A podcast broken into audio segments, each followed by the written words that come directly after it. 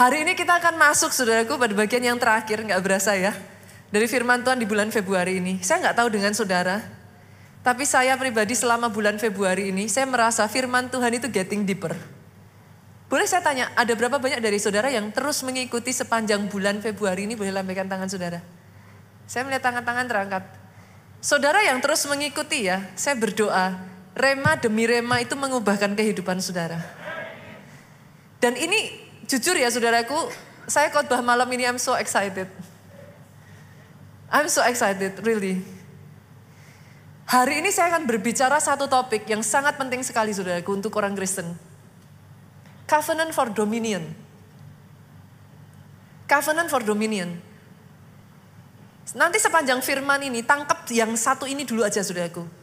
Saudara dan saya, sejak from the very beginning, engkau ditentukan dan diciptakan untuk berkuasa. Tangkap itu dulu. Saudara pegang itu dulu. Nanti sepanjang semua yang akan saya bawa saudara nanti, saudara akan bisa melihat dokumen aslinya itu kayak apa. Dan kalau saudara bisa nangkep itu, the power to have dominion, kuasa untuk saudara itu bisa berkuasa, itu akan jadi atas kehidupan saudara. Karena yes, saudaraku, since the very beginning, sejak dari awal mulanya, bahkan saudara, saudara itu sudah dikasih surat kuasa to have dominion. Pastor, what do you mean? Surat kuasa, saudara, in case saudara terbiasa dengan perjanjian ya saudaraku. Surat kuasa itu pak, ada hal-hal tertentu kadang kita tidak bisa lakukan sesuatu saudaraku. Yang hanya bisa dilakukan kalau kita diberi surat kuasa. Ketika saudara diberi surat kuasa yang tadinya kau nggak punya otoritas atau wewenang, engkau nggak berhak, engkau nggak bisa. Tapi kalau saudara pegang surat kuasa itu, apa yang tidak bisa jadi bisa. Yes, engkau punya wewenang, engkau punya hak, engkau punya power untuk exercise atau melakukan sesuatu yang tadinya engkau nggak punya. Satu bulan ini saudaraku kita sudah belajar Alkitab saudara, your Bible is the book of covenant. Itu kita perjanjian. Di dalamnya kita sudah belajar saudaraku terdiri dari pasal, ayat yang mengandung hak kewajiban detail-detail semuanya tentang perjanjiannya. Gitu. Oke, tangkap ini dulu ya saudaraku. Dan by the way, di dalam kitab saudara itu, di dalam buku yang saudara pegang itu, terdapat yang namanya surat kuasa. Hari ini saya akan mengajak saudara untuk membongkar semua dokumen itu. Sehingga kau tahu how to exercise power to have dominion. Tangkap dulu ya saudara. Jadi nanti sepanjang firman ini saudara jangan bingung karena saya akan terus-menerus membuka Alkitab. Karena itu semua dokumennya ada di sana. It's there in front of you. Sayangnya banyak yang nggak ngerti sehingga akhirnya engkau yang seharusnya diciptakan berkuasa. Tapi yang terjadi justru sebaliknya. Saya akan mulai dulu dari kejadian 1 ayat 28 saudara. Saya akan coba selesaikan karena ini waktu saya terbatas tapi this is the last service so I think it's gonna be okay saudaraku. Oke. Okay? Jadi kejadian 1 ayatnya yang ke-28 kenapa saya katakan since the very beginning kurang awal apa gitu saudaraku. Kejadian loh ini. Kitab pertama dalam Alkitab pasal 1 jadi sudah sejak awal mulanya memang didesain begitu. Kita lihat ya, Allah memberkati mereka setelah Tuhan menciptakan manusia. Dengar ini saudaraku. In the beginning, setelah dia menciptakan saudara-saudara-saudara, dia tidak mengutuk kita. Ingat itu dulu. Dia lepaskan berkat. Artinya apa saudaraku? Lihat kiri kanan, katakan engkau orang yang diberkati. Pengertian ini simple, but I will change your life. Sejak dari awal, saudara diciptakan, saudara itu sudah diberkati. Setelah engkau diberkati, bersamaan dengan berkat itu, lihat ini, berfirmanlah Allah kepada mereka. Tuhan kasih perintah, Tuhan kasih perjanjian sama manusia, saudara. Dia ngomong apa? beranak cuculah. Jadi diperintahkan memang saudaraku, beranak cuculah dan bertambah banyak. Penuhilah bumi dan tahlukkanlah itu. Itu perintah yang pertama. Yang kedua, dia kasih perintah lagi, dia lanjutkan. Bukan cuman beranak cucu, bertambah banyak, penuhilah bumi. Dia perintahkan apa? Dua tiga dengan suara keras. Berkuasalah. Based on this document, saya akan mengatakan kepada saudara, yes, engkau diciptakan untuk berkuasa. Sadari itu dulu. Kenapa saya kepengen saudara menyadari ini dulu dan tangkap ini dulu? Karena kalau nggak hati-hati saudaraku, saudara itu sebenarnya destiny, itu destiny saudara. Itu memang panggilan saudara. Itu kodrat, ketentuan Tuhan atas saudara. Tapi karena saudara tidak menyadari itu, engkau yang harusnya berkuasa, engkau dikuasai. Engkau dikuasai masalah. Loh harusnya saudara berkuasa atas masalah saudara. Engkau dikuasai dosa. Saudara nggak bisa menang atas diri saudara sendiri. Engkau dikuasai hawa nafsu. Loh harusnya kau berkuasa. Engkau tidak ditentukan untuk dikuasai. Engkau harusnya berkuasa. Tapi karena tidak menyadari ini, engkau membiarkan dirimu dikuasai. Dikuasai ketakutan, dikuasai kekhawatiran. Harusnya saudara itu memerintah. Tapi saudara diperintah. Diperintah apa pastor? Diperintah oleh situasi, kondisi, keadaan di sekelilingmu. It was not meant to be like that. Ayat yang kita baca tadi saudaraku, dengan kata lain, ayat itu ingin mengatakan, saudara, saudara, saudara di tempat ini, engkau diberi perintah yang di dalam perintah itu, saudaraku, ada otoritas di dalamnya untuk exercising perintah tersebut. Di backing dengan power.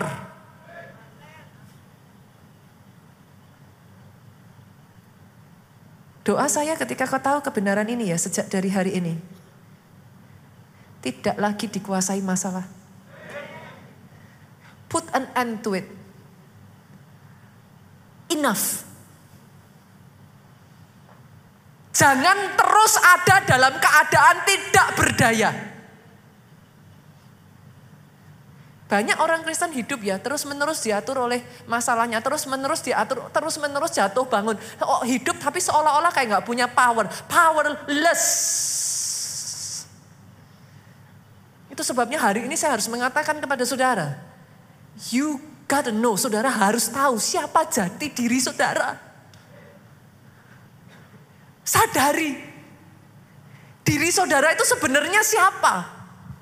Karena kadang saya melihat ya saudara, you look down, saudara itu melihat terlalu rendah terhadap dirimu sendiri. What you are capable of gitu. Saya ajak ya, tadi dokumen pertama kita sudah buka ya saudaraku. Semua yang saya katakan kepada saudara ini adalah dokumen-dokumen covenant for dominion. Ini semua dokumen perjanjian untuk saudara have power. Saya akan ajak lagi saudara masuk mengakses dokumen berikutnya. Kita lihat Yosua, eh, Yohanes, sorry, Yohanes pasalnya yang pertama ayatnya yang ke-12. Ini dokumen penting ini saudara. Jangan sampai tercacar dan jangan sampai hilang dokumen yang satu ini. Tetapi semua orang yang menerimanya, boleh saya tanya dulu sampai di sini? Tetapi semua orang yang menerimanya. Berapa banyak dari saudara di tempat ini yang menerima Yesus sebagai Tuhan dan Juru Selamat atas hidup saudara? Lambe-lambekan tangan saudara, kita beri tepuk tangan yang paling meriah buat Yesus Tuhan kita. Barang siapa yang menerima Yesus sebagai Tuhan dan Juru Selamat, which is you. Saudara di tempat ini, dengar ini diberi kuasa. Ini surat kuasa yang penting sekali saudaraku. Saudara harus tahu itu. Diberi kuasa supaya menjadi anak-anak Allah. Surat kuasa ini menyatakan apa saudaraku? Saudara ahli waris kerajaan Allah. Enggak main-main loh saudara. In case you forget. Saudara anak raja. Artinya apa? Dokumen ini berbicara tentang apa? Dengar ini baik-baik saudaraku. Engkau bukan orang yang powerless. Jangan pernah lagi ngomong orang kayak saya mah pastor bisa apa atuh gitu. Saya cuman orang kecil. Saya nggak bisa apa-apa pastor. It's an insult to your heavenly father. Maaf saudaraku, itu penghinaan.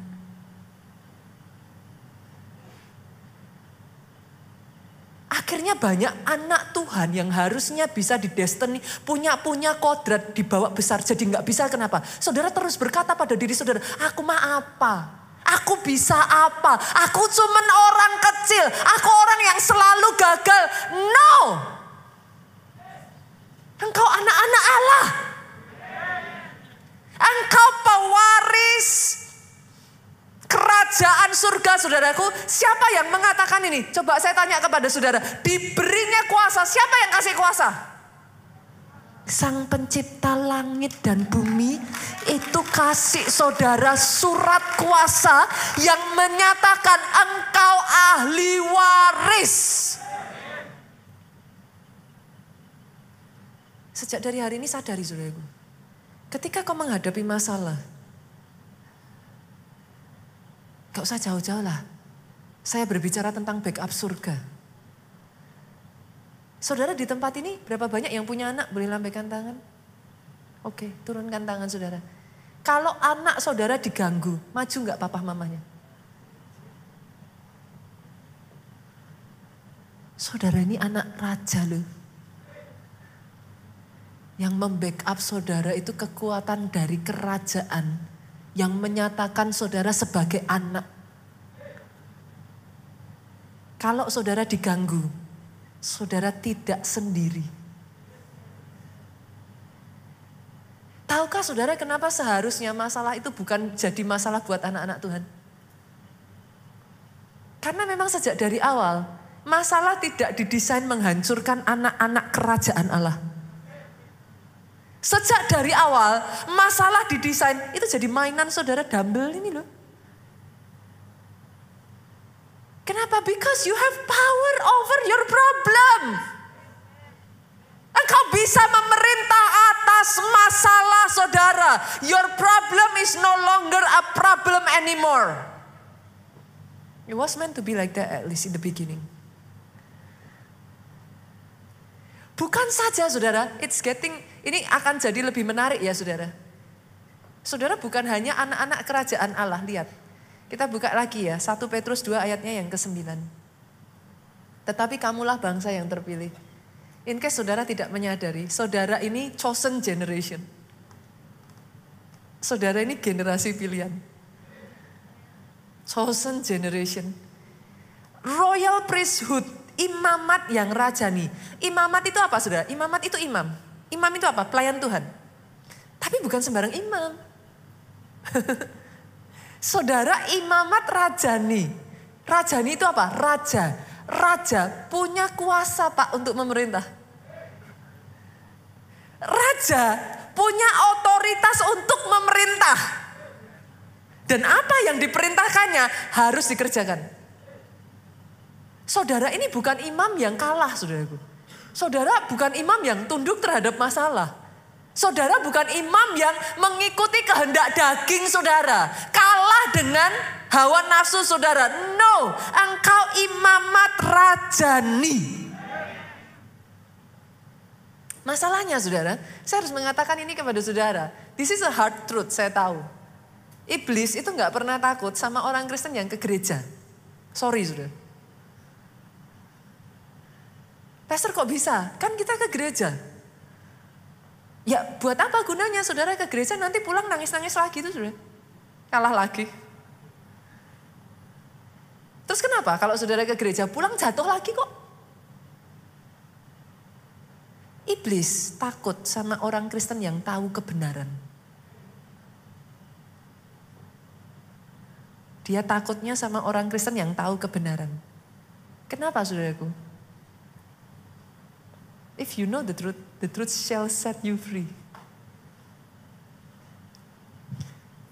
Kenapa iblis paling takut sama orang Kristen yang tahu kebenaran? Karena lebih dari saudara, dia tuh tahu kebenarannya.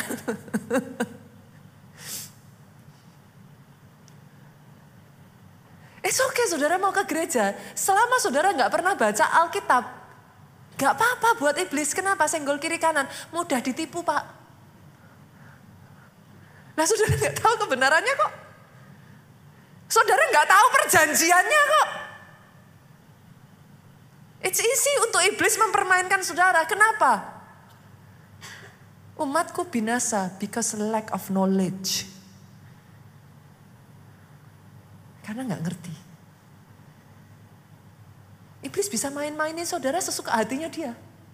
Sampai saudara tahu kebenaran dan menyadari kebenaran itu. Kenapa butuh saudara menyadari engkau diciptakan untuk berkuasa? Kenapa butuh saudara menyadari itu? Karena hanya ketika kau menyadari itu, engkau bisa mengambil full power and exercise the power. Ketika saudara nggak menyadari kebenaran itu, iblis dengan gampang mermainkan saudara. Masih ingat apakah saudara kurang belajar dari dari pengalaman sejarah? Pertama kali iblis mendatangi Adam dan Hawa, apa yang iblis katakan? Adam, Hawa, makanlah buah pengetahuan baik dan jahat ini. Kamu akan jadi seperti Allah. Bisa-bisanya tuh Adam sama Hawa kena tuh saudaraku. Ketipu tuh. Oh really? Aku mau. Sini. Loh, kalau saudara baca ya, sejak dari awal itu sudah tertulis. Manusia diciptakan serupa dan segambar dengan Allah. Jadi Adam dan Hawa nggak perlu makan tuh buah pengetahuan baik dan jahat untuk jadi serupa dengan Allah. Dia sudah diciptakan serupa dan segambar dengan Allah. Ngeri ya saudara? Ngeri ya? Itu sebabnya saya mengatakan, saya tahu ini hard truth ya. Saya tidak mengatakan untuk saudara tidak ke gereja. Tapi it's not enough. Saudara harus tahu perjanjiannya. Karena kalau enggak, jangankan kita, bos kita aja, iblis tuh berani mainin loh saudara. Pada saat Yesus itu menjadi manusia di muka bumi ini, jangankan saudara, bos kita loh, iblis berani kok datang kok. Apalagi kita. Tapi lihat apa yang dilakukan bos kita, saudaraku. Lihat apa yang dilakukan Yesus ketika dia didatangi oleh iblis. Dia nggak banyak bicara. Dia slow, dia mah slow aja, saudara. Dia selalu mengatakan apa? Ada tertulis. Ada tertulis. Saudara cukup menyadarkan iblis posisinya dia dan posisi saudara. That's it. Itu sebabnya saya mengatakan kepada saudara, kalau saudara menyadari sejak dari awal engkau diciptakan untuk berkuasa, tidak boleh engkau dikuasai daging, tidak boleh engkau dikuasai masalah. Itu illegal. Tidak sesuai perjanjian. Dan yang tidak sesuai perjanjian, kalau saudara diem ya nothing happen. Rumah saudara disewa, sesuai perjanjian, harus digunakan dengan baik. Rumah saudara dirusak, saudara diem. Ya saya mah bisa apa pastor? Saya mah apa pastor? Saya cuma orang kecil. Ya nothing, nothing yang akan terjadi. Tapi rumah saudara dirusak, bawa dokumennya. Saudara harus tahu perjanjiannya. Bawa dokumennya tuntut hak saudara. Tunduklah kepada Allah, lawanlah iblis, maka dia akan lari daripadamu. Saya sungguh berdoa ya saudaraku ya. Pemahaman ini mengubahkan pola pikir saudara. Saudara tidak lagi tertunduk. Kalau mau tepuk tangan, tepuk tangan yang paling meriah. Saudara. seharusnya firman Tuhan itu seperti ini, saudara.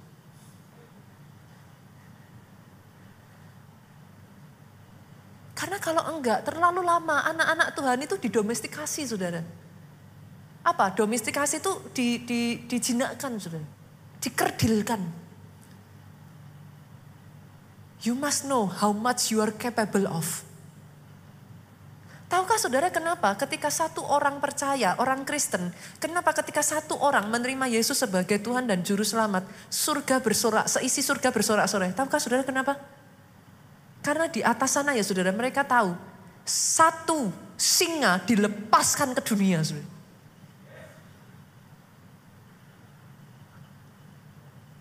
Nanti saya akan bukakan kepada saudara. Saudara harus tahu kuasa apa yang terkandung yang Tuhan berikan atas hidup saudara. Don't look down upon yourself. Engkau diberi kuasa menjadi anak-anak Allah. Hari ini saudaraku, saya akan membagikan kepada saudara. Karena kalau saudara tidak mengerti hal ini ya. Pernah dengar cerita anak Raja Wali yang dibesarkan di tengah anak ayam? Kena ya? Kena ya? Saudara harus tahu, yang namanya Raja Wali, dia itu kalau sama badai, angin badai, dia tuh dancing in the wind. badai itu buat dia alat, untuk dia justru bisa terbang lebih tinggi. Jadi Raja Wali itu nggak takut dengan badai. Beda dengan anak ayam. Coba lihat anak ayam kalau ada badai. Apa yang dilakukan anak ayam? Cik, cik, cik, cik, cik, cik, Lari, takut sudah. Jangan pernah menghindari masalah. Percuma. Masalah dengan kita itu seperti rel kereta dengan kereta api. Saudara mau lari ke mana? Selama orang hidup pasti akan ada masalah. But it's okay. Sama seperti Raja Wali, dance with the wind. You will just fly higher. Saudara itu akan, badai itu membawa saudara itu bisa terbang lebih tinggi. Tapi kalau anak ayam, saudara itu cuma apa sih ceker-ceker di bawah tanah, berharap syukur-syukur puji Tuhan dapat satu dua ekor cacing.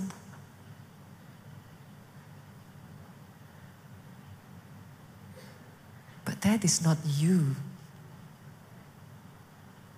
That is not you. Jangan mau jadi anak Tuhan yang didomestikasi. Mengaum kembali. Surga aja tahu kok, satu orang bertobat, uh, they rejoice. Mereka bersorak-sorai karena ada satu singa dilepaskan ke bumi. If you only understand the power He has given you.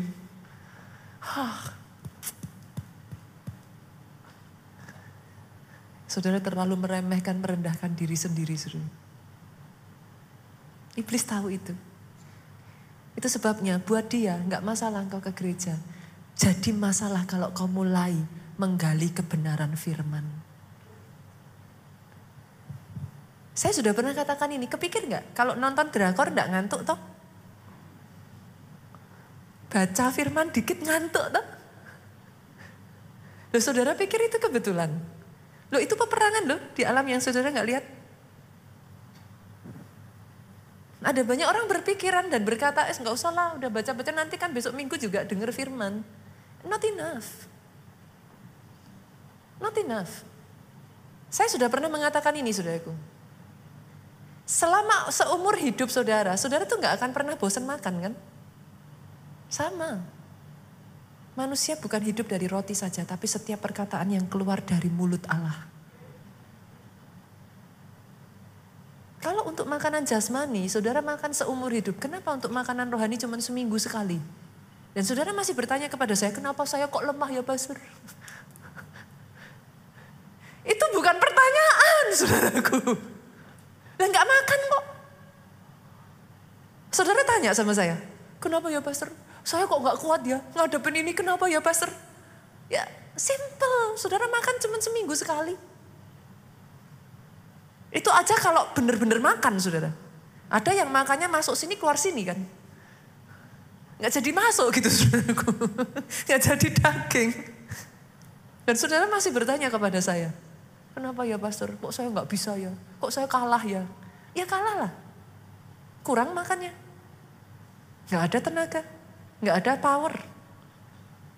Hari ini saya akan membawa saudara, kita akan belajar enam poin saudaraku. Bagaimana saudara exercise power, kuasa, dan otoritas ilahi itu ada dalam kehidupan saudara. Yang pertama saudara, kita lihat ya, ini syarat mutlak yang harus ada. Ini syarat dasar, nggak bisa saudara lewatkan. Lahir baru dalam Kristus. Tapi saya harus tekankan ini ya saudaraku. Bedakan antara lahir baru dalam Kristus dengan KTP-nya Kristen. Beda loh.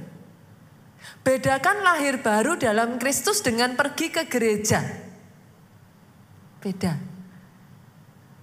Orang yang sadar power yang kau dapatkan di balik kelahiran baru, saudara tidak akan menganggap sepele ketika engkau menerima Yesus sebagai Tuhan dan Juru Selamat.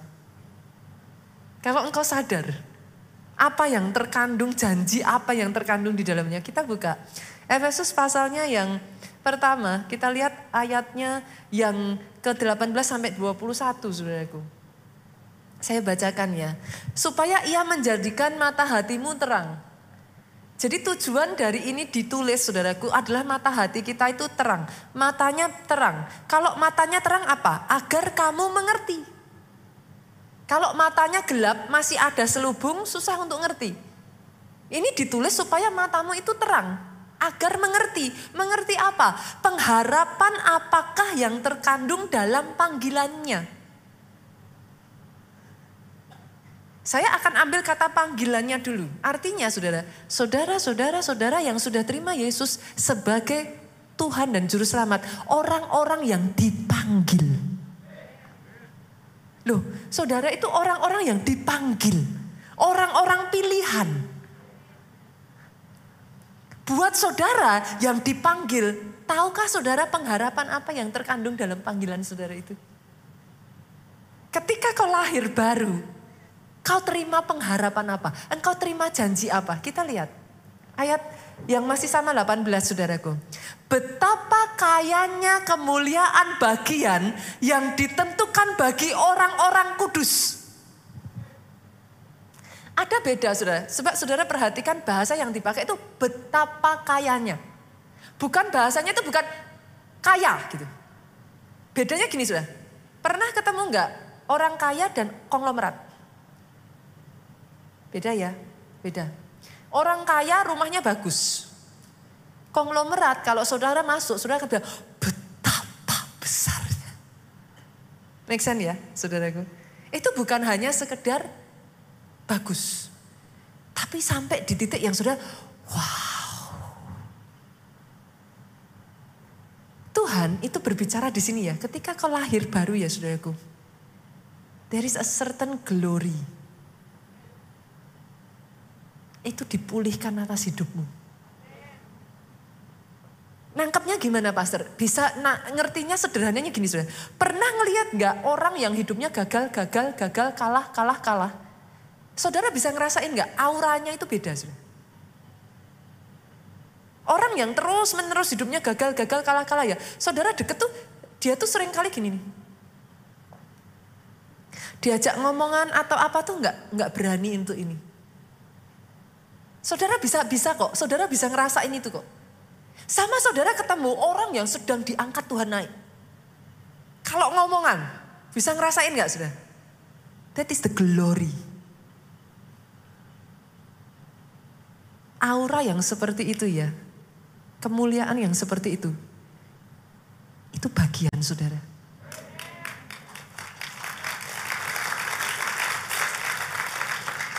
Sejak dari hari ini, Jangan berjalan dengan muka tertunduk, lesu, seolah-olah engkau orang kalah. Sadari. The moment you receive Jesus as Savior and Lord. Sebagai Tuhan dan Juru Selamat, saudaraku. Engkau tuh mengakses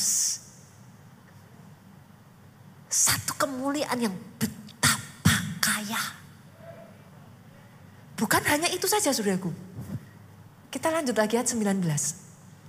Dan betapa hebat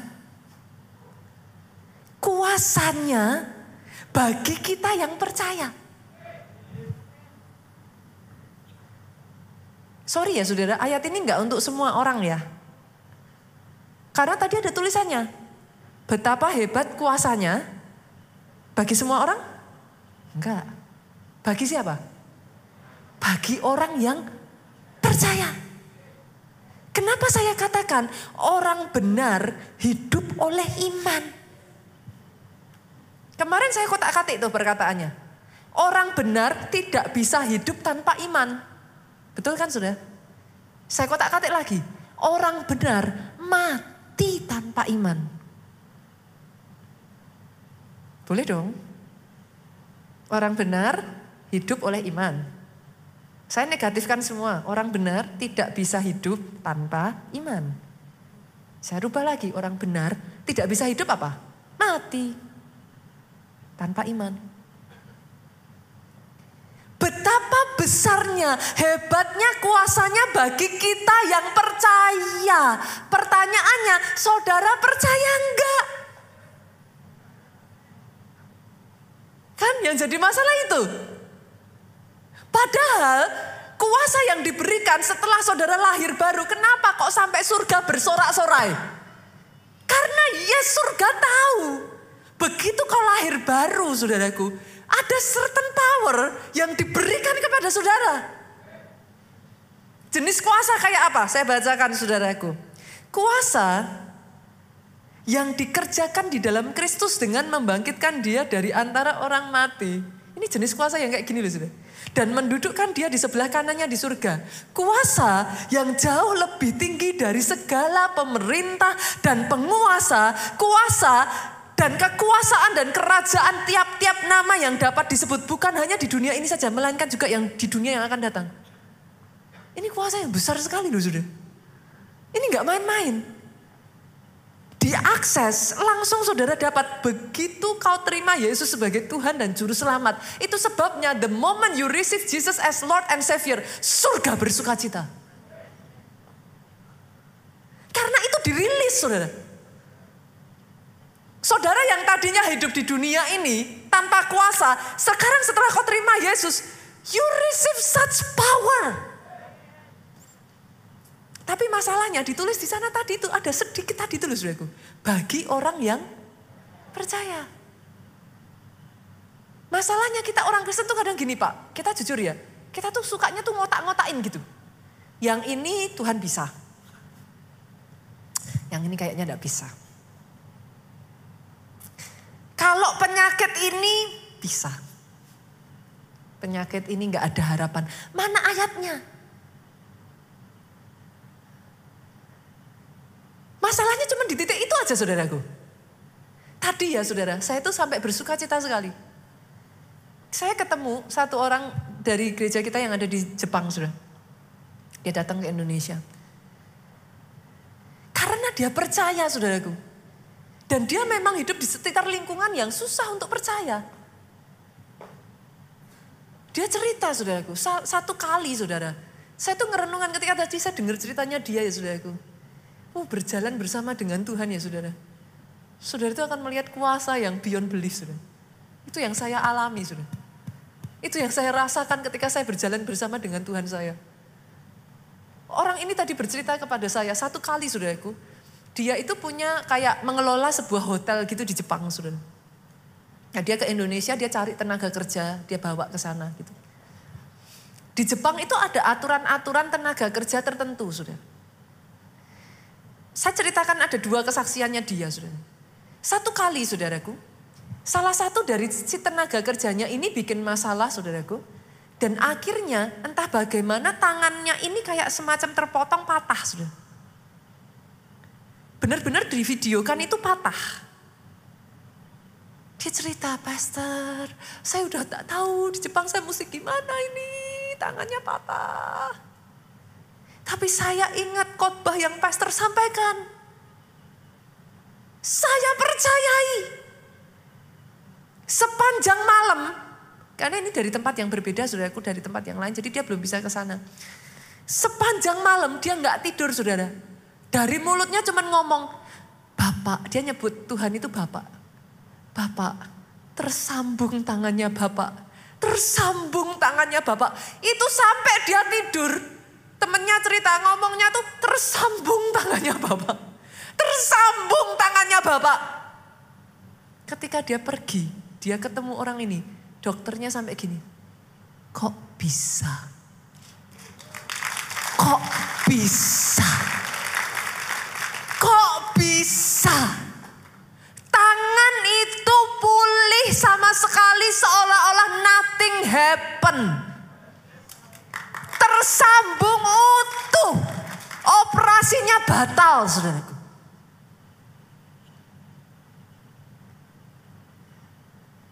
Bagi orang yang percaya. Saya nggak tahu apa yang saudara percayai. Bahkan sementara saya mengatakan ini pun ada sebagian dari saudara ngomong gini, kok bisa? Kebetulan kali pastor. Dia cerita lagi saudara. Di Jepang itu ada salah satu hukum saudara yang menyatakan kalau orang kerja di sana sampai melarikan diri. Perusahaan yang menampung orang ini itu didenda 2 miliar saudara. Sekali lagi, jemaat kita ini berdoa saudara. Tuhan, gimana caranya? Karena kalau enggak, dia bertanggung jawab atas perusahaan itu dan harus membayar 2 miliar atau selama lima tahun enggak boleh ambil tenaga kerja dari luar negeri. Itu pilihannya sudah. Aduh, dia tadi cerita sama saya, Pastor, saya tidak tahu. Yang saya tahu, saya cuma punya bapak saya. Saya punya bapak saya.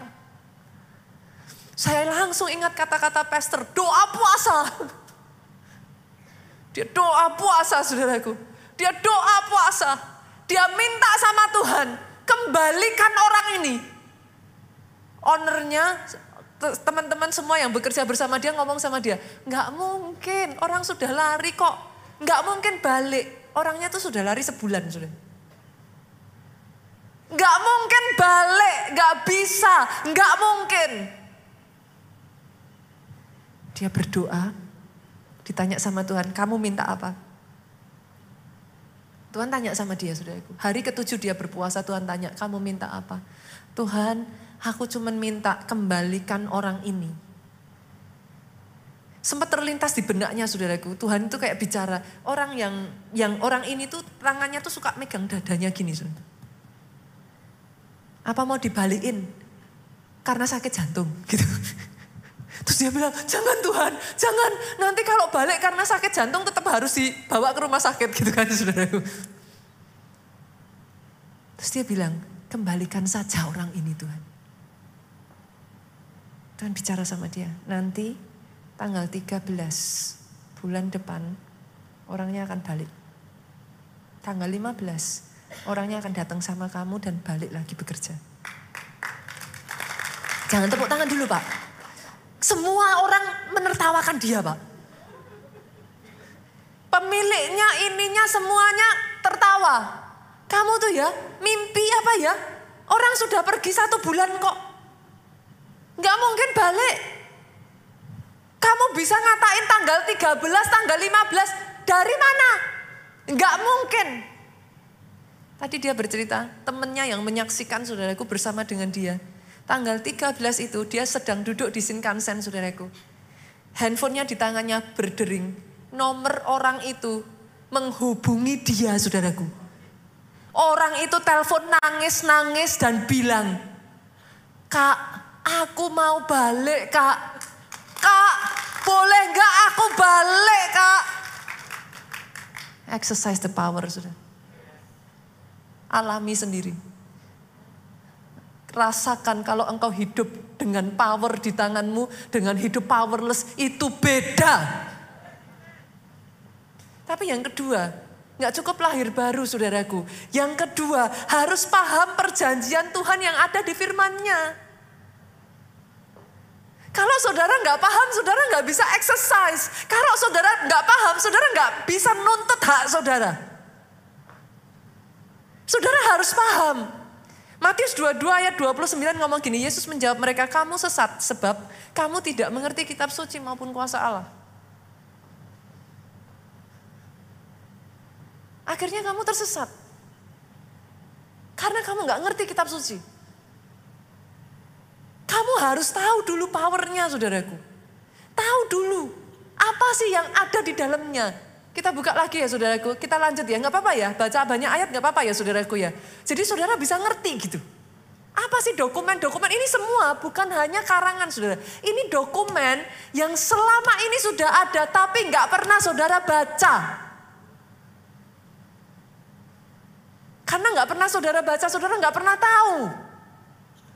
Dan saudara tidak pernah berpikir berarti aku bisa ya, pastor, ngelakuin hal yang sama. Bisa. Kalau kau percaya. Kalau kau percaya. Bisa. Kalau kau percaya. Ayat ini ngomong saudaraku, 2 Petrus 1 ayat 4. Dengan jalan itu, ia telah menganugerahkan kepada kita janji-janji yang berharga. Pak, janji yang Tuhan berikan buat saudara itu bukan janji yang murahan. Janji yang berharga dan yang sangat besar. Jadi saudara harus tahu dulu, Alkitab saudara itu di dalamnya mengandung janji yang berharga dan sangat besar. Itu sebabnya orang yang di dalam Yesus destininya besar. Karena memang sudah dijanjikan begitu. Janji yang berharga dan sangat besar itu yang terdapat di dalam firman, kalau saudara akses olehnya, kamu boleh mengambil bagian dalam kodrat ilahi. Divine nature, sudah. Bahasa Inggrisnya. Kodrat ilahi itu membuat apa saudara? Engkau luput dari hawa nafsu dunia yang membinasakan dunia. Ada di sini yang berkata, saya nggak bisa, kita ini gimana pastor? Apa bisa menang terhadap hawa nafsu? Bisa. Saya jawab bisa. Bisa. Ada ayatnya kok. Saya nggak salah ngomong kok saudara. Kalau saudara men menyadari janji itu, and then you tap into it. Saudara itu mengakses yang namanya kodrat ilahi. Kita manusia ya saudaraku, hidup itu secara nature. Nature itu apa saudaraku? Nih, ini nature saudara. Nature itu kita tergantung hukum gravitasi. Ini nature. Tapi ketika saudara sudah mengakses janji-janji itu, engkau dibolehkan masuk ke dalam kodrat ilahi. Apa itu kodrat ilahi saudara? Kodrat ilahi membuat Petrus pak, yang tadinya penakut, Petrus yang tadinya panasan, Petrus yang tadinya jadi orang pertama yang menyangkal Yesus. Kodrat ilahi ketika dia akses, dia jalan, bayangannya menyembuhkan orang sakit. Itu kodrat ilahi. This is why I love Nigeria. Mereka understand this covenant dan mereka mengakses itu. They get it. Itu sebabnya di sana saudaraku, kesembuhan itu terjadinya begitu rupa. Just like that.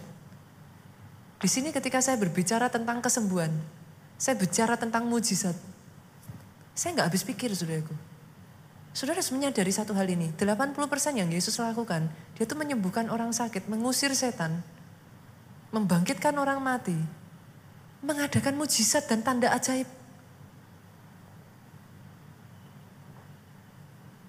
Bagaimana mungkin saya membungkam mulut saya untuk tidak menceritakan mujizat? That is what my Jesus do. Tapi jangan salah saudaraku.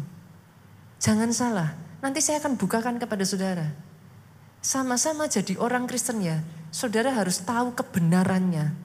Karena ketika saudara mengerti kebenarannya, saudara bisa mengakses bukan nature yang manusia biasa nggak bisa lakukan, tapi saudara bisa masuk kodrat ilahi. Yang harusnya kau nggak bisa, tapi kau bisa. Bukan hanya itu saja, kita masuk lagi ya. Kita lanjutkan ya, Pastor, tapi bagaimana caranya? Saya bisa melakukan itu, ada syaratnya sudah. Ada syaratnya. Nah ini, tergantung saudara. Semua itu tergantung saudara kok saudara. Di dalam perjanjian, itu tuh tergantung saudara. Satu hal yang membuat saya itu, apa ya saudaraku, angkat tangan dengan Nigeria adalah saya tahu. Di Nigeria itu, di situlah saya belajar. Everything depends on you. Itu tersedia. But depends on you. Mau nggak? Mau ngikuti nggak? Mau ngelakuin nggak? Kenapa? Syaratnya apa? Kita lihat saudara. Simpan ya ayat ini ulangan 17 ayat 18 sampai 20. Apabila ia duduk di atas tahta kerajaan. Siapa yang duduk di atas tahta kerajaan saudara? Raja dong. Prajurit boleh duduk di atas tahta? Diusir saudara. Nggak bisa. Apabila ia duduk di atas tahta kerajaan, ini bicara office of a king. Posisi seorang raja, saudara. Apabila dia duduk di atas tahta kerajaan, haruslah ia menyuruh menulis baginya salinan hukum ini menurut kitab yang ada pada imam-imam orang Lewi. Artinya kalau saya terjemahkan dengan bahasa kita, saudara, haruslah dia punya Alkitab. Kalau dia mau duduk di atas tahta itu, kalau zaman dulu bukan Alkitab, Torah, saudara. Salinan kitab. Nomor satu Pak, haruslah dia punya Alkitab. Oke ya, nggak apa-apa ya saudara, saya terjemahan gini supaya saudara nangkep ya. Maksudnya bagaimana? Lanjut lagi. Bukan cuman punya Alkitab, habis punya Alkitab apa saudara? Itulah yang harus ada di sampingnya. Saya tanya dulu, yang ada di samping saudara apa saudara? Itulah yang harus ada di sampingnya. Dan by the way, bukan cuma punya Alkitab, harus ada di sampingnya. Lanjutkan lagi ya saudaraku, dua tiga. Dan boleh dengan suara keras bersama-sama dua tiga. Dan haruslah ia membacanya seumur hidupnya. Wow. Kemarin kita belajar dari ulangan 28 ayat 1 ya saudara, masih ingat ya? Kalau saudara mau mengakses blessing di ayat 2 sampai ayat 15, syaratnya apa? Dengar baik-baik. Lakukan dengan setia. Masih ingat ya? Kata setia di sini diterjemahkan dengan seumur hidupnya.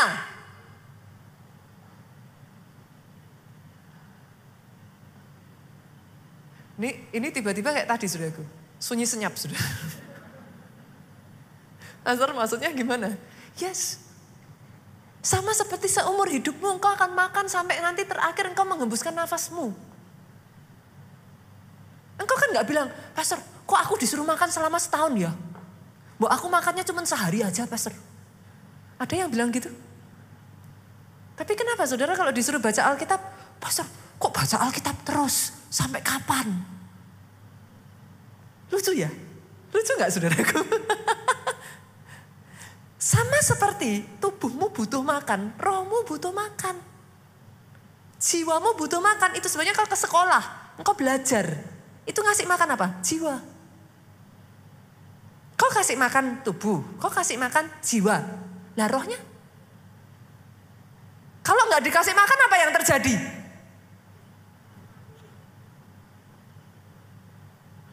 Enggak heran saudara, ketika rohmu lemah, yang ngambil alih siapa? Kan tubuh kita ini terdiri dari apa? Roh, jiwa, tubuh. Kalau rohnya lemah, kan harus ada nakodanya dong. Siapa yang ngambil alih? Jiwanya. Jiwa terdiri dari apa? Pikiran, perasaan, kehendak. Buat yang perempuan jangan heran kau diombang-ambingkan perasaan toh. Kenapa? Simple. Rohmu nggak kuat. Capek gak? Capek. Hidup kayak gitu tuh capek. Kenapa? Lah rohnya lemah, gak dikasih makan terus kok. Kok saudara bingung? Ya yang ngambil alih yang kuat. Yang kuat tinggal yang mana? Kalau yang kuat pikiran ya pikiran yang ngambil alih. Kalau yang kuat kehendak ya akhirnya terus hidup dalam dosa terus kok gak bisa mengendalikan dirimu. Sampai titik tertentu, kalau saudara maaf saudaraku, melihat yang di luaran sana kadang saudara bisa mengerti yang saya maksudkan. Jiwanya juga sudah lemah, yang ngambil alih apa? tubuh. Ugly itu sudah.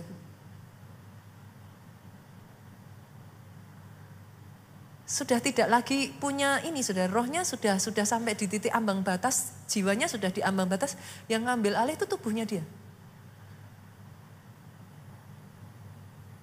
Tapi pastor saya nggak ngerasa apa-apa tuh.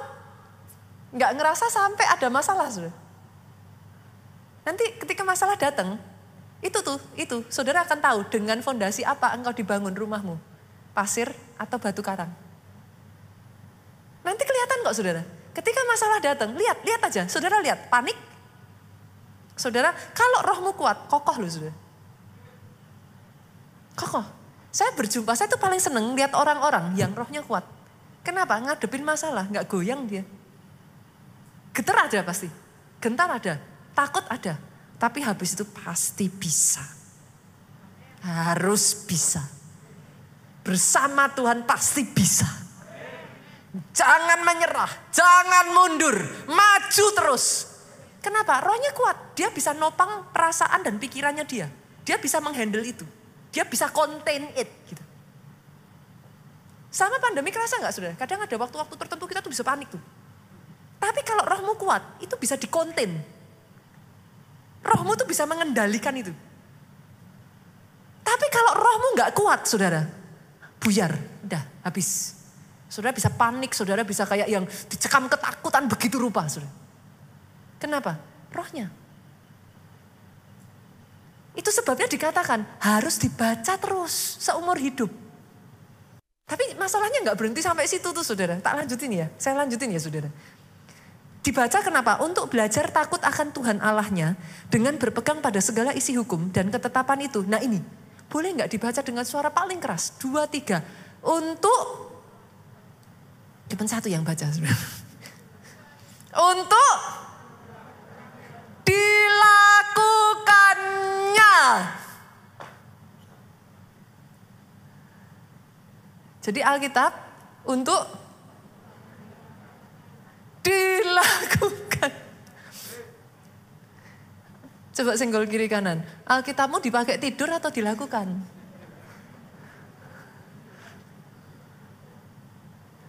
Loh ya jangan tanya sama saya, pastor mana? Pastor khotbahnya hebat ini itu apa? Kenyataannya saya sudah lakuin. Berapa lama? Seminggu. Mana buktinya? Loh, seumur hidup. Baru seminggu mah, saudara. Saudara, ibu, saudara di sini yang punya suami. Ada yang bisa, suamiku setia pastor. Berapa lama setia? Seminggu. Setia. Setianya berapa lama? Sebulan. Orang saudara ya sudah 30 tahun menikah kalau suaminya beralih setia akhirnya selingkuh. Saudara bilang dia setia? Udah 30 tahun loh. 30 tahun loh. Saudara bilang dia apa? Gak setia. Tapi sama Tuhan curang tuh. Baru seminggu aja saudara udah bilang. Sudah seminggu. Gak ada saudara. Dilakukannya supaya apa sudah? Lihat, lihat, ini ini yang akan terjadi. Ketika saudara lakukan ini yang akan terjadi. Agar lama ia memerintah. Ia dan anak-anaknya di tengah-tengah orang Israel. Saudara mau hold the office of a king? Ini kuncinya. Firman itu power, saudara. Jangan anggap remeh lagi Alkitab saudara baca. Yang pertama senggol kiri kanan dulu. Punya Alkitab pak. Pastor saya punya. Di mana? Di handphone. Dicek dulu ke delete enggak.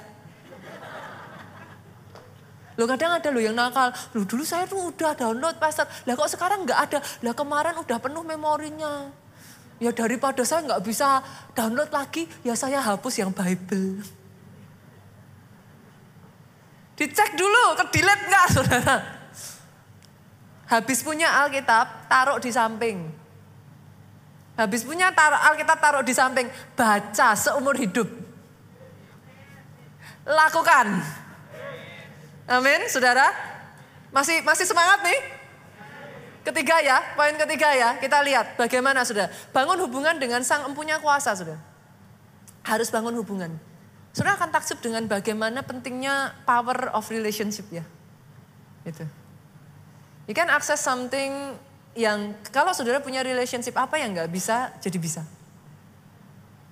Itu powernya dari relationship. Tahukah saudara kenapa Adam dan Hawa bisa ditipu iblis? hubungannya sama Tuhan gak deket. Kalau hubungan deket saudara, gak gampang dikomporin. Suami istri kalau hubungan deket ya, ada orang mau ngomong apa gak gampang panas sudah.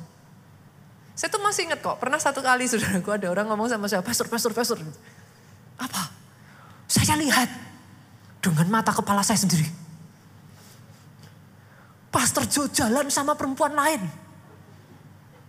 Saya tuh cuma senyum. Oh iya, iya tinggi, cantik. Oh gitu ya. Lah anak saya tuh tingginya sama saya tinggi dia, saudaraku. Anak saya, kalau saudara lihat anak saya sama dedinya, saudara kan geleng-geleng kepala. Saya aja kalau lihat saya, anak saya itu kalau sama dedinya manja sekali, saudara. Jessica itu kalau sama Pak Jo, kita makan bersama ya. Pernah satu kali ya, kita makan berempat. Saya, dia sama anak saya yang satu lagi. Dia duduk sampingnya Pak Jo ya saudaraku. Itu duduknya Jessica tuh kalau dimarah, eh, bukan dimarahin ya. Sampai kadang uh, saya punya mama, saya punya mami, saya panggilnya mami. Saya punya mami, which is berarti dia punya grandma kan saudara. Itu ngomong sama dia, Jess kamu tuh tulangnya kok kayak sayur katanya. Dia tuh kalau duduk sama dedinya pak, itu tuh gini nih saudara. Terus sambil gini nih ya saudara, terus dia ambil sendok, dedinya disuapin saudara. Itu saya yang di depannya merinding, saudara. itu anak saya, kalau sama dedinya itu apa saudara? Mesra sekali. Itu kalau jalan berdua, itu gandengan, bukan cuma gandengan. Dipeluknya gini sambil kepalanya gini saudara. Tapi karena saya punya hubungannya sama Pak Jo kuat. Orang mau ngomong gitu saya ketawa. Coba kalau hubungannya nggak kuat. Apa ya? Mana? Loh, bener kan saudara? Loh tapi harus dibuktikan juga loh ya. Pasangannya harus dibuktikan dulu saudaraku. Sama, sama Tuhan juga sama. Kalau hubunganmu sama Tuhan kuat, dikomporin iblis, nggak kena. Nggak kena. Tapi kalau hubunganmu sama Tuhanmu nggak kuat, iblis ngomong, mana katanya udah pelayanan, apa, dapat apa. Saudara malah, Iya ya, iya ya. Orang Kristen gak orang Kristen gak ada bedanya. Betul. Saudara bisa mengerti maksud saya? Hubungan mesti kuat. Kalau enggak, iblis itu gampang sekali loh. Jadi orang ketiga. Nah, boleh ya? Bapak Ibu boleh ya? Periksa dulu. Coba kita lihat, Filipi 3 ayatnya yang ke-10 yuk kita baca. Filipi 3 ayatnya yang ke-10. Yang ku kehendaki, nah ini coba dicek ya. Yang dikehendak, yang saudara kehendaki apa? Coba dicek. Yang ku kehendaki ialah mengenal dia dan kuasa kebangkitannya. Ini Paulus ngomong. Yang aku pengen adalah mengenal dia dan kuasa kebangkitannya. Saya tanya nih sama saudara, saudara datang ke sini, saudara pengen apa? Aku pengen sembuh pastor, nggak salah. Aku pengen diberkati pastor, nggak salah. Aku pengen dapat mujizat pastor, nggak salah. Tapi Paulus ngomong, yang ku kehendaki ialah mengenal dia dan kuasa kebangkitannya. Lanjut saudara. Ini saya tahu buat orang Kristen kepengen didilit ini saudaraku ayat ini. Dan persekutuan dalam penderitaannya. Ada amin? Uh, keluarga Allah luar biasa saudara. Ada amin loh. Sering kali kalau saya bacakan ini orang Kristen mundur. Yang ku kehendaki adalah mengenal kuasa penderitaannya. Ngeri ya saudara? Tahukah saudara, nggak semua penderitaan tuh nggak baik loh. Sebaliknya nggak semua berkat itu baik. Sorry ya saudara. Rasul Paulus ngomong yang ku kehendaki ialah mengenal dia dan persekutuan dalam penderitaannya. Ini lebih lagi nih sudah, lebih seru lagi nih sudah. Sudah rasanya pengen delete yang ini sudah. Di mana aku menjadi serupa dengan dia dalam kematiannya. Habis menjadi serupa dengan dia dalam kematiannya. Maksudnya gimana? Orang mati gak bisa tersinggung. Pernah dengar orang mati tersinggung?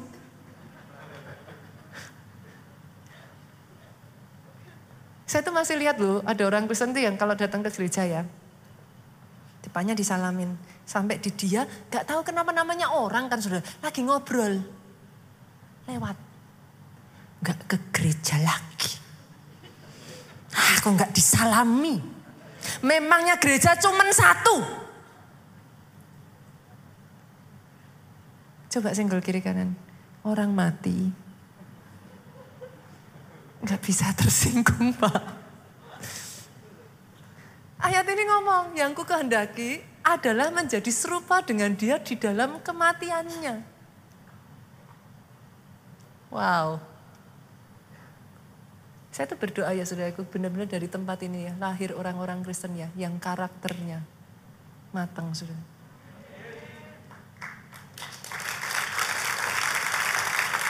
Huh.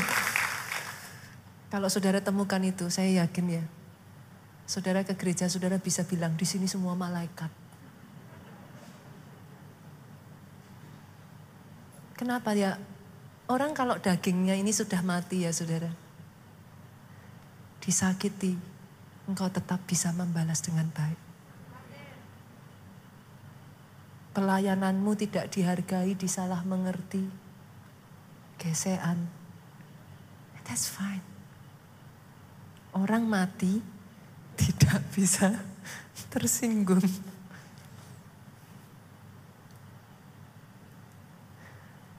Kalau masih hidup dagingnya, jangan heran saudaraku. Gak heran masih bisa menyakiti ya saudara. Pertanyaan saya simpel kok. Apa yang saudara kehendaki ketika kau datang ke sini? Apa yang kau kehendaki?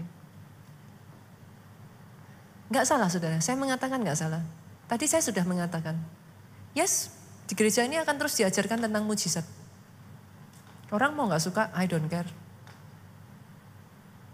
Tapi at the same time saudaraku, di gereja ini diajarkan menderita bersama Kristus. Jangan salah. Kalau berkat datang dalam hidupmu, saudara bilang tolak. Nggak kudus, gitu saudaraku. Ada yang gitu, lu berkat datang ya haleluya puji Tuhan kan. Lu berkat datang kok. Coba senggol kiri kanan gak usah munafik pak. Orang berkat datang kok yes. Tapi kalau diizinkan Tuhan melalui penderitaan, kuat, kokoh, bakoh sampai akhir. Diberkati Tuhan, yes. Minta lebih besar. Kenapa? Supaya kau bisa jadi berkat lebih besar lagi. Tapi giliran engkau diajak Tuhan menderita bersama-sama, menjadi serupa dalam kematiannya, ayo. Jangan mundur, maju terus. Itu pemahaman yang seimbang, balance. Jadi orang Kristen yang seperti itu, saudaraku. Jangan swing kanan, swing kiri. Ininya ini, tapi ininya sayang saudaraku. Dua-duanya ambil saudara. Yang keempat, yang selanjutnya kita lihat ya saudara. Hidup dalam kerendahan hati dan ketaatan. Ini contoh teladan Yesus saudaraku. Lihat ya, saudara mau ultimate power, saudara mau power terbesar. Orang yang menerima the ultimate power, apa yang dia lakukan? Dan dalam keadaan sebagai manusia, Yesus telah merendahkan dirinya dan taat sampai mati, bahkan sampai mati di kayu salib Itulah sebabnya, that's why. Itulah sebabnya Allah sangat meninggikan dia dan mengaruniakannya kepadanya nama di atas segala nama. You want ultimate power, saudaraku? Belajar taat sama Tuhan. Belajar rendah hati ketika diizinkan Tuhan melalui masa-masa yang gak mudah. Jangan dilawan. Jangan karena penderitaan karena kesalahan sendiri loh ya saudaraku itu salah, lain, lain lain perkara ya saudaraku. Saudara main-main dengan api kebakar ya itu salah saudara sendiri gitu. Tapi ketika Tuhan izinkan saudara diproses ya saudara, nikmati proses itu. Dengan kerendahan hati minta sama Tuhan petunjuk gimana caranya melalui. Dan enjoy it, enjoy it. Kenapa? Karena nggak seumur hidup saudara bisa ngalami itu. Dan ada pelajaran-pelajaran yang hanya bisa kau dapatkan di masa susah itu. Itu nggak bisa saudara dapatkan di masa saudara happy. Nggak bisa, saudara nggak bisa. Mau dipaksa-paksa saudara nggak bisa. Tapi di masa susah itu kalau saudara bisa belajar merendahkan hati, taat, nanti akan ada pelajaran yang nilainya kekekalan. Itu. Beda ya, saudaraku beda. Yang kelima, yuk kita lanjut lagi ya, sudah hampir selesai nih. Menguasai diri dan berpuasa. Ada hubungan sangat besar antara berpuasa dan berkuasa. I'm not just playing with words gitu saudaraku. Ada hubungan yang sangat besar antara berkuasa dan berpuasa. Kenapa? Karena puasa itu saudara menahan lapar. Lapar itu insting paling dasar manusia. Kalau insting yang paling dasar aja lahan lapar aja nggak bisa, saudara nggak akan bisa menahan diri dalam hal yang lain. Makanya butuh puasa. Oke ya, saudara. Jadi kalau saudara berkata kepada saya, Pastor, saya kepengen mengakses power seperti ini. Nggak bisa enggak. Saudara haruslah orang yang suka puasa. Makanya saya, tadi saya ngomong sama saudara. Yang sudah pernah ikut saya ke Nigeria tahu apa yang saya katakan. Itu akses terbuka lebar kok. Tinggal saudara mau atau enggak gitu aja. Pastor Adeboye itu ngajarin satu hal yang saya nggak pernah lupa ya saudaraku. To be a championship, you must practice every single day as a championship.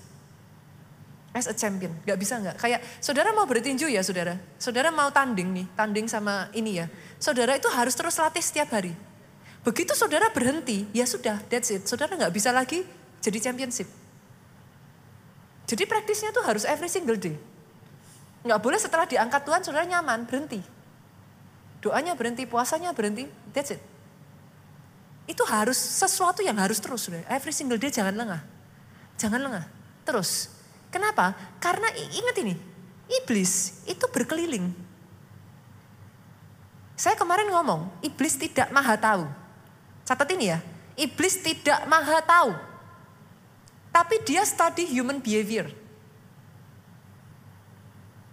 Saudara dikasih ini ya, masalah ya. Saudara ngalami masalah ya.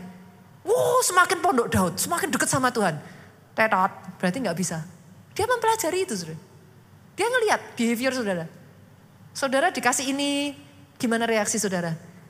Wow, tetap nggak bisa. Justru ketika diberkati, dia lihat reaksi saudara. Oh, sekarang udah nggak ibadah. Oh, dia lihat. Sekarang nggak pelayanan. Catat. Itu iblis sudah. Dan nanti di titik terlemah saudara, dia strike sudah. Habis. Sudah mengerti yang saya katakan ini sudah? Berapa banyak dari saudara yang hari ini belajar sesuatu? Aminnya boleh yang paling keras. Oke. Okay. Pemain musik boleh maju ke depan. Saya tutup dengan ini. Yang terakhir saudara. Miliki kehausan dan kelaparan akan roh kudus. Matius 5 ayatnya yang ke-6 berkata seperti ini saudaraku. Berbahagialah. Bless are those. Bahasa Inggrisnya itu bukan berbahagia. Diberkatilah. Orang yang lapar dan haus akan kebenaran. Karena dia akan dipuaskan. Berapa banyak dari saudara yang mau saudaraku? Mau ya? Boleh ya? Capek enggak sih? Baca Alkitab memang enggak menyenangkan di awal saudara. Sama, ada orang di sini yang sudah lama enggak olahraga terus olahraga sakit semua. Pernah ngalami itu. Kan sama, sama. Baca Alkitab tuh juga kayak gitu kok saudara. Udah lama enggak olahraga, saudara olahraga juga enggak enak. Tapi setelah saudara olahraga sekian lama, ketagihan. Enggak olahraga tuh ada yang rasanya enggak hilang gitu. Baca Alkitab, doa, sama. Waktu pertama kali mau ngelakuin rasanya nggak enak, sakit semua badan itu. Gitu. Ih rasanya tuh kayak seluruh oh, apa ya saudara, sel-sel tubuh saudara memberontak gitu saudara. Kalau kalau bisa tuh rasanya aku nggak mau doa, aku nggak mau doa, blek tidur saudara. Itu memang begitu saudaraku. Itu seperti apa ya? Saudara nggak bisa cheating yourself gitu. Saudara tuh nggak bisa menipu diri saudara. Otak saudara itu memerintahkan. Makanya nggak heran ketika baca Alkitab ngantuk kan. Itu tuh seperti seluruh sel tubuh saudara sampai ke otak saudara itu kayak lapor. Enggak mau, enggak mau. Akhirnya otak saudara ngomong ya sudah tidur gitu sudah. Tapi ketika saudara lakukan itu terus, it becomes an addiction saudara. Nanti sama kayak olahraga gitu. Kayak kalau saudara nggak olahraga ada yang kayak kurang gitu. Coba dulu saudara. Biasakan itu lakukan 21 hari. Tanpa bolong ya, jangan ada satu hari pun yang saudara nggak baca. 21 hari, saudara biasakan. Itu apa? Making habit. Manusia itu makhluk kebiasaan, habit. Gitu. Bikin itu sebagai habit. Kenapa? Saudara makan tiga kali sehari. Siapa yang ngajarin saudara? Manusia zaman dulu nggak makan tiga kali sehari. Mereka hidup dari berburu, Loh kalau orang berburu kadang dapat kadang nggak dapat. Bisa mungkin berapa hari nggak makan, hidup kok. Siapa yang ngajarin saudara makan sehari tiga kali? Kan dari bayi itu. Dibiasain orang tua kan? Sih? Coba kalau dari bayi nggak dibiasain mandi, nggak mandi? Dari bayi dibiasain mandi aja setelah kuliah nggak mandi kok saudaraku. Saudara anggap ya saya maksud kan? Make it a habit. Kalahkan saudara. Kenapa? Nanti saudara akan membutuhkan itu di masa-masa sukar. Bukan hanya di masa sukar, saudara akan membutuhkan itu untuk berkuasa. Grow in power. Loh benar saudaraku, coba aja. Sudah terjadi kok di Nigeria. Kenapa? Gereja ini sekarang heading into that direction. Karena saya sudah melihat. Saya sudah melihat visinya, saya sudah melihat itu jadinya seperti apa. Kenapa? Saya tidak mau mengalihkan pandangan saya lagi, saya go straight there. Karena saya sudah lihat. They used to be like Indonesia, sudah. Tapi sekarang mereka sudah 30-70 loh. Amazing kan? Berbalik loh. 70% big amount. Kenapa? Karena mereka orang-orang yang menyadari. Tanya nih Pak Jeffrey waktu ke sana tuh. Orang yang dampingi kita ya saudara. Di masa-masa di waktu-waktu yang mereka senggang. Mereka nggak ngelakuin apa-apa. Duduk di kursi makan ya sambil baca Alkitab kok. Beneran itu. Every single day mereka lakukan itu. Dari situ kau berkuasa bu. Ngadepin masalah nggak goyah bu. Mantep. Rumah tangga kokoh saudara akses saja. Jangan nanti gini ya saudara, karena firman Tuhan di gereja kita ini kan tiap bulan, nanti besok bulan depan udah ganti tema loh saudara. Jangan nanti, ye ganti tema, jangan perjanjian selesai. enggak, enggak, lakukan terus. Dan nanti saya pesan dulu loh ya, jangan pilih-pilih. Ayo, kemarin firmannya apa? Lakukan seluruh. Jangan tadi kaitan dengan penderitaan, skip, delete nggak usah di print. Nanti kalau saudara seperti itu ya saudara nanti nggak jadi nggak apa sih nggak whole apa nggak utuh gitu. Saudara dapatnya cuma secemong cemong cemong cemong cemong cemong ya akhirnya dapatnya ya segitu doang. Tapi saya berdoa ya, if you know the truth, kalau kau tahu kebenaran, kebenaran akan memerdekakan engkau. Indeed, engkau ditentukan untuk berkuasa. Bangkit berdiri yuk. Datang di hadapan Tuhan saudaraku. Oh. Katakan saudaraku. Berhembuslah oh kudus. Yesus Tuhan. Satu demi satu Tuhan. Satu demi satu. Yes kuasamu atas kami Tuhan. Kuasamu atas kami. Berhembusan penuhi hati. Saudara, mau nggak saudara hidup terus saudara diizinkan Tuhan mengalami hal-hal yang extraordinary? Mau? Ada satu cerita, Pak Jo pernah cerita nggak ya? Kayaknya pernah cerita ya. Jangan hidup dengan natural saja saudara, boring, nggak, nggak seru. Pastor Yonggi Jo pernah punya jemaat saudaraku. Jemaatnya ini kecurian. Pernah diceritain Pak Jo? Belum. Jemaatnya ini kecurian saudaraku. Dan pencurinya tuh ngambil sejumlah besar uang. Datanglah dia sama pendetanya. Pastor Yonggico bilang, kamu ambil doa puasa, naik ke atas bukit doa, perintahkan untuk pencurinya ngembaliin uangnya. Saya tahu di benak saudara akan ada sebagian dari saudara yang ngomong gini, nggak mungkin pastor. Mana mungkin, jadilah kepadamu sesuai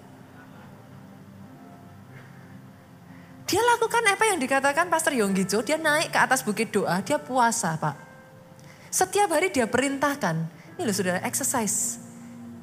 Bagaimana cara power itu di exercise. Saudara kalau sama orang yang di bawah saudara, saudara mau memerintah, apa cara saudara memerintahnya gini? Mm, mm. Dilakuin nggak saudara? Gimana cara saudara merintah? Pakai ini. Bi, tolong ambilin. Diambilin kok nanti saudara. Tapi kalau saudara nggak pernah pakai perkataan ini, sudah ada, sudah dikasih, tapi nggak dipakai, ya nggak bisa. Mau sampai kapan saudara sama bibinya? Hmm, ya nggak bisa. Saudara harus gunakan kuasa perkataan. Orang ini naik ke atas bukit doa, dia berpuasa, dia perintahkan, kembalikan uang saya, kembalikan uang saya. Tanpa disadari saudaraku, hari itu dia naik bukit doa, istrinya diketuk rumahnya. Ternyata yang mencuri tadi malingnya saudara. Mau balikin uang. Istrinya bingung loh, kok ngembaliin uang dia cerita. Ini uang ada penunggunya katanya. Setiap kali uang yang lain kalau dia nyuri ya sudah dipakai. Kalau uang yang ini mau dipegang itu kayak ada roh maut mau nerekam dia katanya. Dia takut. Nggak diambil. Itu terjadi berulang kali. Sampai akhirnya dia berpikir percuma nih uang. Dia kembalikan uang itu sudah. Saudara sudah pernah dengar cerita-cerita kisah yang saya lakukan, eh, saya terjadi dalam hidup saya sehari-hari saya. Boleh nggak sih itu bukan dari kata orang tapi kau alami? Berjalan dengan Tuhan tuh seindah itu loh. Jangan dari kata orang, alami saudaraku dalam kehidupan saudara. Berapa banyak dari saudara yang mau? Angkat kedua tangan saudara. Diberkatilah saudara oleh Tuhan. Diberkati keluargamu oleh Tuhan. Keluar masukmu, baik engkau duduk, engkau berdiri, engkau tidur, you are blessed. Di tangan kananmu saudaraku umur panjang Sehat sesehat-sehatnya. Masa depanmu kilang gemilang. Engkau tidak pernah kering dengan kesaksian. Akan betapa baiknya Tuhan itu. Pulang saudara dengan membawa sukacita. Damai sejahtera Allah Bapa. Cinta kasih Yesus Kristus. Persekutuan dengan rohnya yang kudus yaitu roh kudus sekarang sampai selama-lamanya. Engkau yang diurapi katakan dengan suara yang paling keras. Amin.